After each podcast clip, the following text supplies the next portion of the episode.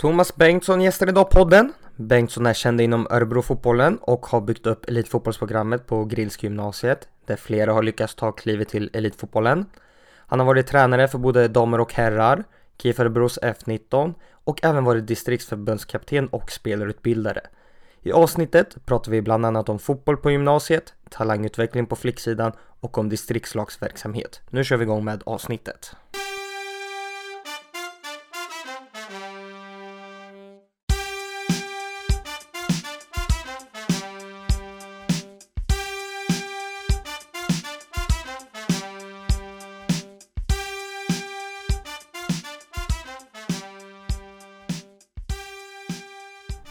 Varmt välkommen till Möt fotbollstränarna Thomas Bengtsson. Tack så mycket. Hur mår du idag? Det, jag mår utmärkt. Det är fredag. Det är fredag och det är game day. Och det är landslagsuppehåll. Det är landslagsuppehåll, ja. Hur känns det? Det känns ju sådär eftersom det inte är en Premier League-helg och jag älskar ju Premier League, La Liga, Serie A, allt som har med fotboll att göra. Men din son Pierre Bengtsson startade igår för Sverige. Vad tycker du om matchen? Jag tycker att eh, Sverige kontrollerar in matchen på ett väldigt bra sätt. Man ska inte glömma bort hur det såg ut på Zlatans tid, Hamrens tid om man säger så. Vilka svårigheter det var då. Eh, ett, ett kollektivt Sverige som var väldigt bra i pressspelet och en väldigt tydlig idé om hur man skulle såra Färöarna. Eh, jag tyckte det var kul att se.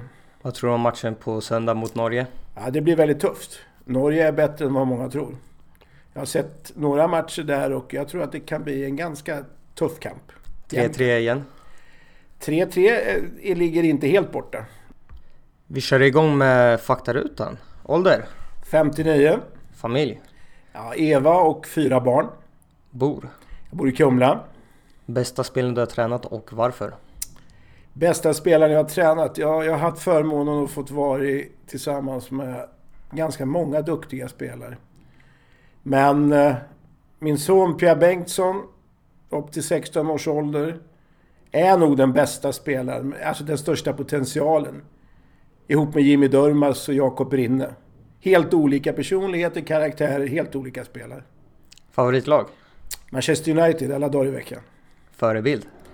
Alltså, det är stort att säga Sir Alex, men när jag ser Sir Alex på läktaren i samband med Uniteds matcher nu så, så sträcker jag på mig i soffan.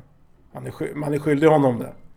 Naturgräs eller konstgräs? Naturgräs naturligtvis. Konstgräs hjälper oss under perioder när vi inte kan nyttja bra naturgräsplaner.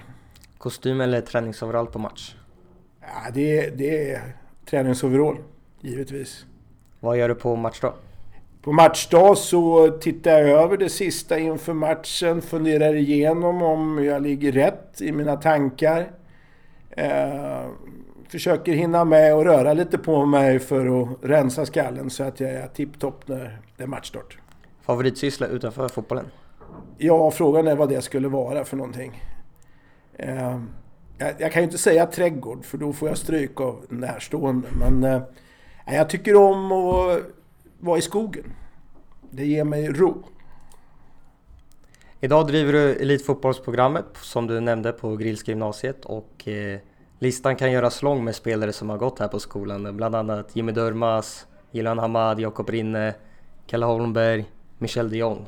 Hur kom det sig att du startade upp det här programmet? Alltså det var ju så här att 2006 så tränade jag BK Forward i division 1, här laget där. Och eh, då sökte man Eh, ett möjlighet att starta ytterligare ett fotbollsgymnasium i Örebro. Och eh, det var ju så här då att tanken var ju att man startade samtidigt i Östersund med Kalle Björklund, man startade i Värnamo med Jonas Tern. Och sedan hade man följt min framfart som tränare, om det nu var en framfart överhuvudtaget. Det, kan, det får ju andra bedöma. Eh, och såg väl att jag skulle passa bra in i Örebro då. Därför att det är ju så här att vi har från början haft utgångspunkten att vi ska göra skillnad. Det är liksom det som är utgångsläget. Och vad skillnaden består i, är att vi ska kunna erbjuda ungdomarna en helhet. För att kunna ta de mått och steg som krävs för att kunna nå sina drömmar. Hur ser själva upplägget ut? Alltså upplägget idag har ju förändrats. 2011 så kom det ju en ny gymnasiereform Eh, och då infördes också något som heter NIO och LIO i svensk fotboll. Och vi är ju ett nationellt idrottsutvecklingscentra, vi är ett lokalt idrottsutvecklingscentra. Men ett upplägg här, det handlar ju väldigt mycket om att skapa en helhet. Alltså jag tror inte på eh, gymnasier som bedrivs där du går i en skolklass där du har säkert bra lärare men sen vid några tillfällen i veckan så åker du till en fotbollsplan och sen har du duktiga tränare där och sen tränar du på någonting och sedan så åker du tillbaks till skolan igen till den där vanliga klassen. Jag tror ju på helheten, när man knyter ihop alla delar. Det är så man kan utveckla människor. Hur ser själva träningarna och träningsgrupperna ut? Alltså träningarna bedrivs ju på e- flera arenor i stan. Vi har ganska små träningsgrupper. Vi satsar resurser på att ha väl utbildade instruktörer. Jobbar ju tillsammans med Rickard Nilsson, årets tränare för några år sedan i Sverige. Då tränade KIF Örebro Dam. Eh, Peder Hessel, vi har Stefan Ernsjö som tränar KIF Örebros eh, damallsvenska lag idag. Och jag själv då. Eh, och vi jobbar alltid två. Vi har alltid en målvaktstränare, sjukgymnast knuten till. Vi jobbar med alternativ träning för de som inte kan träna fullt eller delvis. Eh, och vi jobbar väldigt individbaserat. Eh, så kan man väl säga. Hur ser man liksom på belastning när många spelare tränar med sina lag på kvällar? Jag tycker att vi i svensk fotboll använder begreppet belastning väldigt felaktigt, va? många gånger. Många menar det väldigt väl, men vad är belastning för någonting? Alltså, man, kan ju titta så att det, för mig är belastning det, det är den totala biten. Vi pratar alltså det här klassiska. Vi pratar kost, vi pratar sömn, vi pratar vila, vi pratar träning. Ja, och vad är träning? Många gånger så hör jag så här, ja, men det är en hård belastning. De har tränat redan. Ja, men vad tränade man på? Hur tränar man? Vad var innehållet i det? Det handlar inte bara om att mäta kvantitet, man måste mäta kvalitet. Man måste också titta på varje individ. Olika individer kräver olika saker och det är det som är nyckeln. Det är därför vårt gymnasium är så speciellt. Därför att vi kan nå den helheten hos personer. Så att vi kan ha små träningsgrupper där folk jobbar med olika saker. Det är ju det som är det viktiga. Sen är det en kontakt med föreningarna när det gäller belastning. Det gäller att titta, har du match ikväll? Vem är du? Du kanske ska ha en påminnelse om lite fotbollsrörelse som du kommer göra på kvällen, redan på förmiddagen. Eller din kropp behöver vara utvilad på ett helt annat sätt. Vad, vad, kan man då ha för innehåll? Att ställa de frågorna, att göra spelaren medveten om vem han eller hon är och hur, att, hur den då ska kunna bli så optimal som möjligt i klubbmiljö. För det är vår huvuduppgift, att tjejerna och killarna ska kunna vara konkurrenskraftiga till kvällens match i klubblaget. Hur ser kontakten ut med klubbar? Ja, det är väldigt varierande. Eh, precis som kunskapsnivån är väldigt varierande naturligtvis. I de här frågorna som du nu ställer. Eh, och då får man ju liksom likadant där individualisera sina samtal. En del pratar ju bara om mängd, en del har inte en förståelse för eh, behoven hos varje individ, andra har stor förståelse. Och eh, det gäller ju att titta hur den totala bilden vecka för vecka ser ut. Vilken roll har du eh, i ditt klubblag? Spelar du i två lag? Sitter på bänken i division 1 eh, och spelar U21 U19? Ja, de matcherna går då tisdagar när man har spelat helgmatch med A. Hur ska veckan se ut? När ska du ha dina största belastningar? Vad skulle kunna vi kunna bidra med i skolan då? Vad är det för delar då som skulle kunna pusslas in i den här individens vardag? Och det är det här arbetet som jag och mina kollegor älskar så mycket. Att göra det optimalt för varje individ. Hur har man tid att göra det för varje spelare? Jag har ju en tjänst här på skolan då där jag har utrymme för att jobba med individfrågor. Jag har en arbetsgivare och jag har en arbetssituation som gör att fotbollen upptar ungefär 75% av min tjänst. Och i det har jag ju själv skapat ett arbetsinnehåll som gör att du måste jobba med analys, utvecklingsdelar mot individ. Sen delar vi upp kontakt med olika klubbar mellan oss tränare. Och eh, ibland är det bra, ibland är det mindre bra. Eh, och förståelsen måste ändå utgå ifrån att vi är ett komplement. Det är klubblaget som du ska kunna ta plats och få spela nästa match. Eller ta det närmare en uttagningsmöjlighet av den tränaren. Liksom. Som spelare själv, hur stort ansvar tycker du man själv ska ta för sin utveckling? Alltså, vi lever tyvärr i ett samhälle, och nu generaliserar jag ju väldigt grovt förmodligen här. Men alltså, jag tycker ju att ungdomar idag, om vi pratar så, och även en del vuxna kan man ju säga, tar ju alldeles för lite ansvar för sitt eget idrottande, fotbollsspelande. Va? Och förstå att det är vad jag själv gör som räknas. Det är ju det jag gör som räknas. Det är ett mantra som jag använder väldigt ofta. Va? Och jag brukar ofta prata här i skolan om att vi måste träna ungdomarna på att ta ansvar. Vi kan liksom inte bara säga att nu går du på gymnasiet, du går ett elitförberedande program. Du ska ta ansvar. Ja men vad är det? Hur går det till? Vad är att ta ansvar? Och då är det ju att jobba med Growth of Fixed Mindset till exempel. Att lära sig jobba med de här tankarna. Runt Fixed och Growth Mindset är ju så otroligt mycket. Men det kan bland annat användas för att tankebanorna. Att hur pass fräschare jag känner mig i kroppen om jag gör si eller om jag gör så. Eh, och så vidare. Kan knytas till prestation sen. Va? Hur mycket kontakt har ni med föräldrar och hur viktiga är de i ens barns framtid i fotbollen? Alltså att stöttande föräldrar är ju fantastiskt bra. Det, det är ju oslagbart med en tät kontakt med klubbarna och klubbtränarna. Föräldrar som är stöttande, som finns där runt omkring. Kanske fyller i de där små luckorna som de själva inte lärt sig ta ansvar för längre. Men sen finns det ju naturligtvis också andra föräldrar som inte har riktigt samma eh, använder liksom inte den här stöttande delen utan är mer kravställare och, och det är inte alltid så positivt. Det finns många som får känner en prestationsångest över att de måste rapportera hem då till mor och far eller far kommer i halvlek och har synpunkter och så här. Va? Eh, vi pratar mycket med föräldrarna också här på vårt program här just över vad de kan bidra med utan att bli kölande. Skillnaden med att vara stöttande och kölande. Jag hade faktiskt ett sånt möte här i veckan nu med årskurs 1-föräldrarna. Där det var en stor punkt. Hur ser den ut? Att vara... Att vara en stöttande förälder? Ja, hur är man då när man är en stöttande förälder?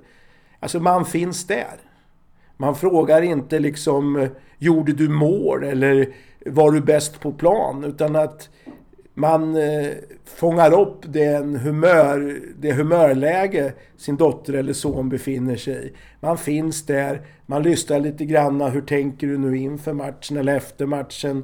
Eh, man eh, behöver inte vara den, den föräldern liksom som hela tiden bedömer att man tappade 2-0 till 2-3 och tycker det är för jäkligt liksom.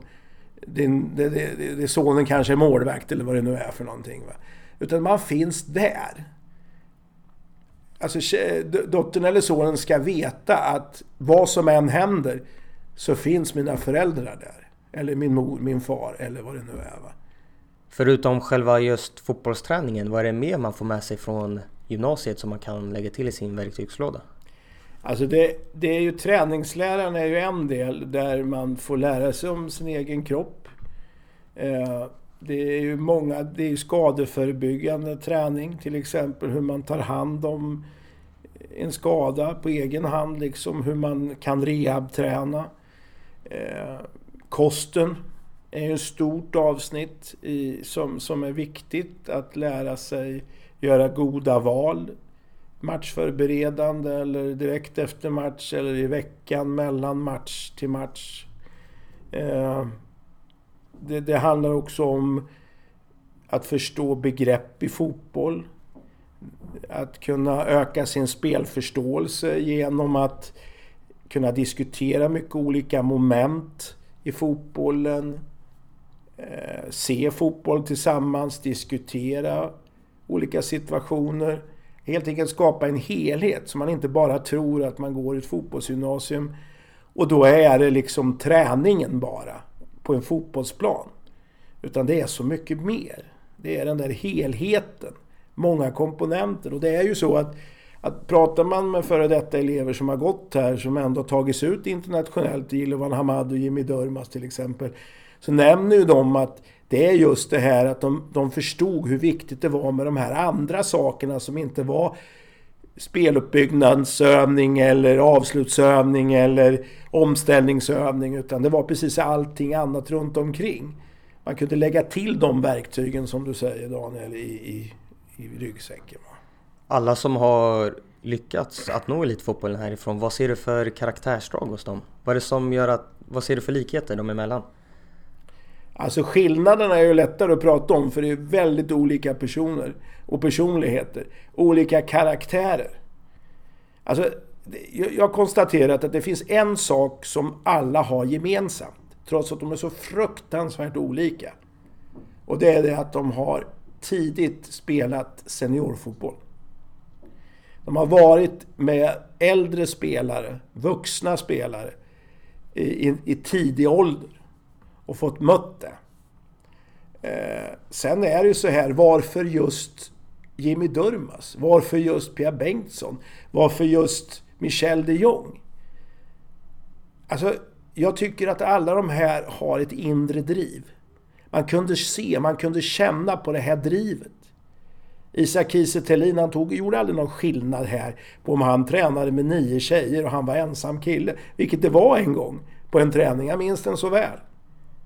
Han jobbade stenhårt och ville få ut någonting av den träningen och han hade bestämt sig för att han skulle få det.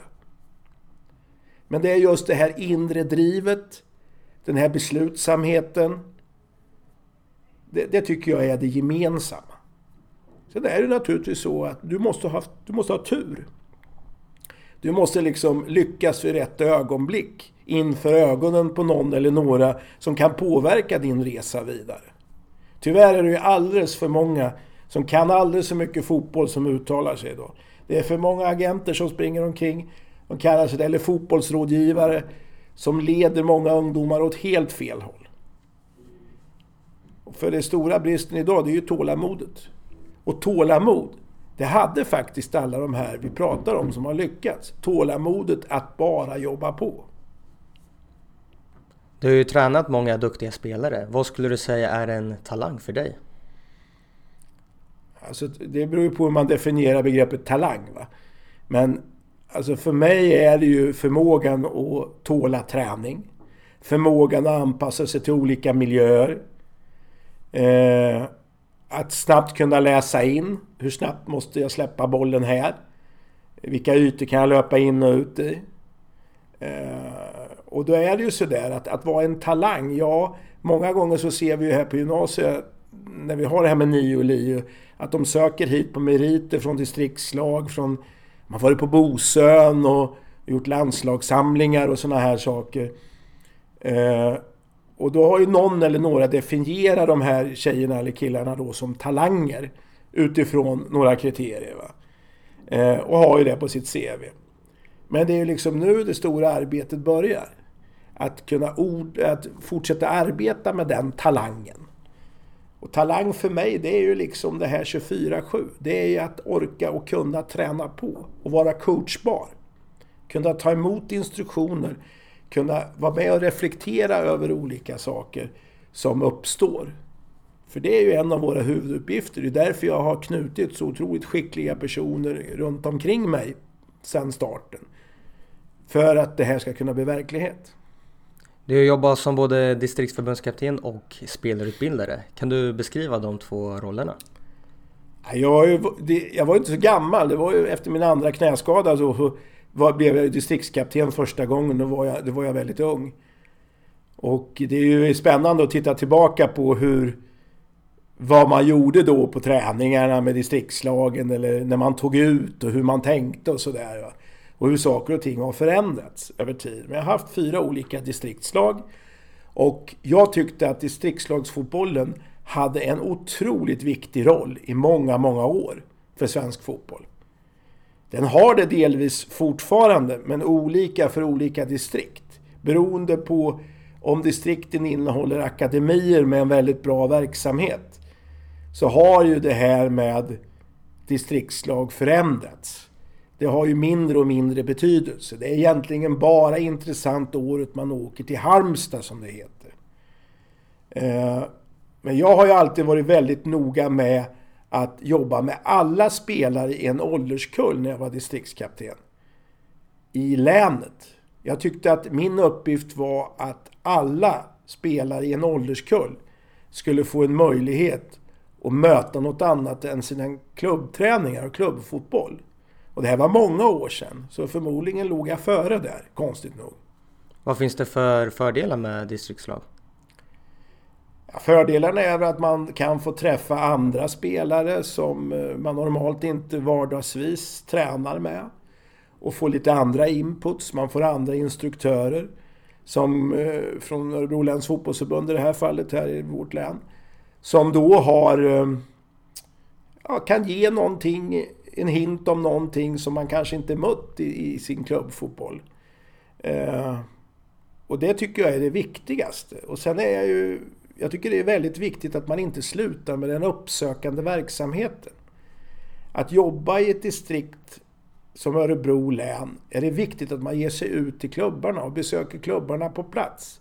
Man inspirerar ungdomar, man inspirerar ungdomstränarna. Man håller lite små utbildningar hela tiden. Men tyvärr verkar det vara någonting som, som länets förbund här inte satsar så hårt på längre och det tycker jag är beklagligt. Hur ser du på nackdelarna då med att folk blir bortvalda och så vidare?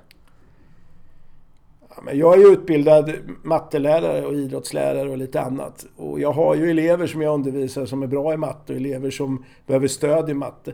Det är ju, men sen när vi kommer till fotbollen, då, då är det lite mer så här att att det ska alla vara ungefär lika bra jämt och ständigt. Och man får inte tala om att den eleven är en A-elev om vi tar betygssystemet i skolan och den eleven är en E-elev. Alltså att det är skillnad på kvaliteter. Det är klart att det är skillnad. Men en, en, en tjej eller kille som är väldigt duktig när man är 15 år, det är ju inte alls säkert att den, den kommer sen lyckas eh, bli elitspelare i fotboll. Men är det verkligen någon som har trott det? Att det är den kopplingen man ska göra? Är det inte så att de är bra just nu? Men då måste man ju se till att stimulera alla. Man kan ju inte bara bry sig om de 16 som får åka på det här lägret i Halmstad. Som har bytt namn från elitläger till utvecklingsläger. Utan då måste man ju se till att ha en verksamhet som stimulerar fler. Och det är ju just de som är fler, som inte var i fokus just i Halmstad, som det nu heter. Det måste man ju också hitta intressanta saker som är utmanande, som gör att de kan komma vidare. Det är ju där vi har den stora utmaningen att jobba med. Att en del distriktslag har valt att inte komma på utvecklingslägret kan det drabba flicksidan värre då det inte finns samma akademiverksamhet som på pojksidan? Det är jag absolut helt övertygad om. Alltså, alltså på flicksidan är det ju så att jag har haft många duktiga tjejer här på skolan och tränar många duktiga tjejer här. Och det är fantastiskt roligt för jag tränar dem i fotboll. Det är inte så att jag tränar tjejer, jag tränar fotboll. Och ett kön är flicka och ett kön är pojke, men det är fotboll vi håller på med. Och det är ju så här att man måste ha det synsättet totalt sett. Och, och då är det ju faktiskt så att akademiverksamheterna finns ju inte på tjejsidan på samma sätt. Några ställen gör försök runt om i Sverige och har en bra verksamhet. Vi ska komma ihåg att många tjejer är prestationsprinsessor. De vill prestera i skolan, de vill prestera på fotbollsplan, de vill prestera med sina kamrater, eh, flick och pojkvänner, familj. Allt, man vill vara bra överallt. Och dessutom så får de tidigt ofta göra debut i seniorsammanhang i något lägre divisioner, som division 3 eller division 2 eller division 1 eller vad det är för någonting. I 13-14 års ålder. Vilket gör att när de har gått i gymnasiet något eller några år, då har de ju hållit på ganska många år med en ganska fokuserad verksamhet. Eh, det är liksom bakgrunden. Därför har ju distriktslagen väldigt stor betydelse på tjejsidan. Därför att där kan de stimuleras genom att träffa likasinnade som också brinner för att göra en satsning på fotboll. Att det är faktiskt tillåtet som tjej att brinna för fotboll och älska det dag ut och dag in och kunna lägga ner max på det. Och här, här är det ju också så att det har ju också förändrats. Distriktslag är fortfarande viktigare på tjejsidan än killsidan. Men i och med att det finns fler gymnasier som har en extremt utvecklad verksamhet för tjejer och killar så har det behovet minskat. Vi satsar här på Grillska precis lika mycket på tjejer som killar. Och vi gör ingen skillnad för vi tränar fotboll. Och det är jättebra för de här tjejerna som vill satsa på sin fotboll att träna tillsammans med killar. Och det är jättebra för killarna att träna med tjejer. Det finns inget motsatsförhållande. Och de som tror det, de förstår inte. Det är min absoluta ståndpunkt. Så att därför, egentligen svaret på din fråga Daniel, när du pratar om distriktslag. Ja, det behovet har också minskat. Och betydelsen har minskat. Men det är fortfarande väldigt, väldigt viktigt. Eller viktigare än det är på pojksidan idag om jag ska jämföra med när jag startade. För något år sedan så var du ju tränare för KIF Örebros F19-lag. Hur ser du på talangutveckling på flicksidan? Det är fantastiskt roligt att träna tjejer. Jag hade förmånen under två år att träna KIF Örebros F19-lag. För det är ju så här att tittar man så var det ju så att, är så att 75% av den truppen som finns där går här på Grillska gymnasiet. Och tjejerna hade varit på mig länge att kan du inte engagera dig Thomas? Vi behöver mer av den här typen av träning i vårt klubblag. Och så blev resan in. Jag var även med eh, en liten stund kring A-laget då eh, och hjälpte till. Men att talangutveckling på flicksidan, alltså att vara i en elitmiljö och få känna på elitträning, vad nu det är för någonting, men träning med likasinnade som brinner för sin fotboll och som vill hela tiden utvecklas och har siktet inställt framåt. Eh, det, det är fantastiskt roligt. Jag hade ju liksom, eh, ja, fotbollsnörd som är så tränar jag ett herrlag i division 3. Och KIF Örebros F19-lag precis samtidigt det året. Och jag kan säga att många gånger så var ju träningarna med tjejerna roligare än, än träningarna med killarna. De är så otroligt villiga att lära sig och är så otroligt gedigna i allt de gör. Så det är en otroligt stor förmån. Och tjejer är värda bättre tränare. Tjejer är värda tränare som bryr sig om att de blir bättre i fotboll. Jag hävdar ju att det är för många som lägger för stort fokus på andra saker. Allt runt omkring. Det handlar om att utveckla dem i spelet fotboll och skapa en miljö där det är tillåtet att älska det. Och det vill jag bidra med då. Vad är det som krävs för att spelarna ska ta stegen upp från F19 till A-lagen? Ja, vad exakt som krävs? Det handlar lite grann om vilken klubb det är. Är du i Rosengård eller du är liksom i, i Linköping eller vad det nu är någonstans där man har råd, förmågan, eh, traditionen att plocka in världsspelare i sina lag så är det ju naturligtvis så att, att det ser det ut på ett sätt. I Örebro med KIF Örebro, ja jag kan KIF Örebro alldeles för dåligt egentligen för att, för att ge alla detaljer men man är ju beroende av de lokala spelarna. Och eh, man borde satsa mycket hårdare på sin F19-verksamhet. Man borde stärka den verksamheten på ett helt annat sätt. För att man måste skapa förutsättningar för tjejerna att i tid också hinna med, apropå det här med prestationsprinsessor. Man måste, att de måste hinna med att kunna också vara den duktiga tjejen som de vill vara i alla sammanhang. Va? Och då måste man hjälpa till från fotbollen. Man kan liksom inte helt enkelt bara säga men så här är det på den här nivån. Det funkar inte så. Sen handlar det om ju modet hos en tränare. Tränarna måste ju ha modet att lyfta upp eh, unga spelare som ändå har talang. Jag vet, vi spelade nere i Kristianstad och mötte en tjej, en liten krullhårig tjej som heter Evelina Duljan. Jag tyckte hon var fantastiskt duktig. Hon var ju yngre än de tjejerna som jag hade i F19-laget. Hon dominerade fullständigt. Det var underbart att se henne spela fotboll. Och så ser jag henne i Allsvenskan idag göra mål och ha assist och få speltid. Eller Daniel, vi har en tjej också nere i Rosengård. Eh, du kan vad hon heter? Hanna Bennison. Ja, Hanna Bennison. Jag tappar bort namnet där. Det var bara på H. Det är underbart att se hennes rörelsemönster, hennes eh, totala spel både off och def. Och här vågar man i en stor klubb släppa fram den här spelen. Fler måste ha modet att göra det. Är F19-serierna tillräckligt bra och är det tillräckligt med matcher? Nej, det, det hävdar jag absolut. Här, här, har svensk fotboll en otroligt stor utmaning. Det är alldeles för dåliga matcher.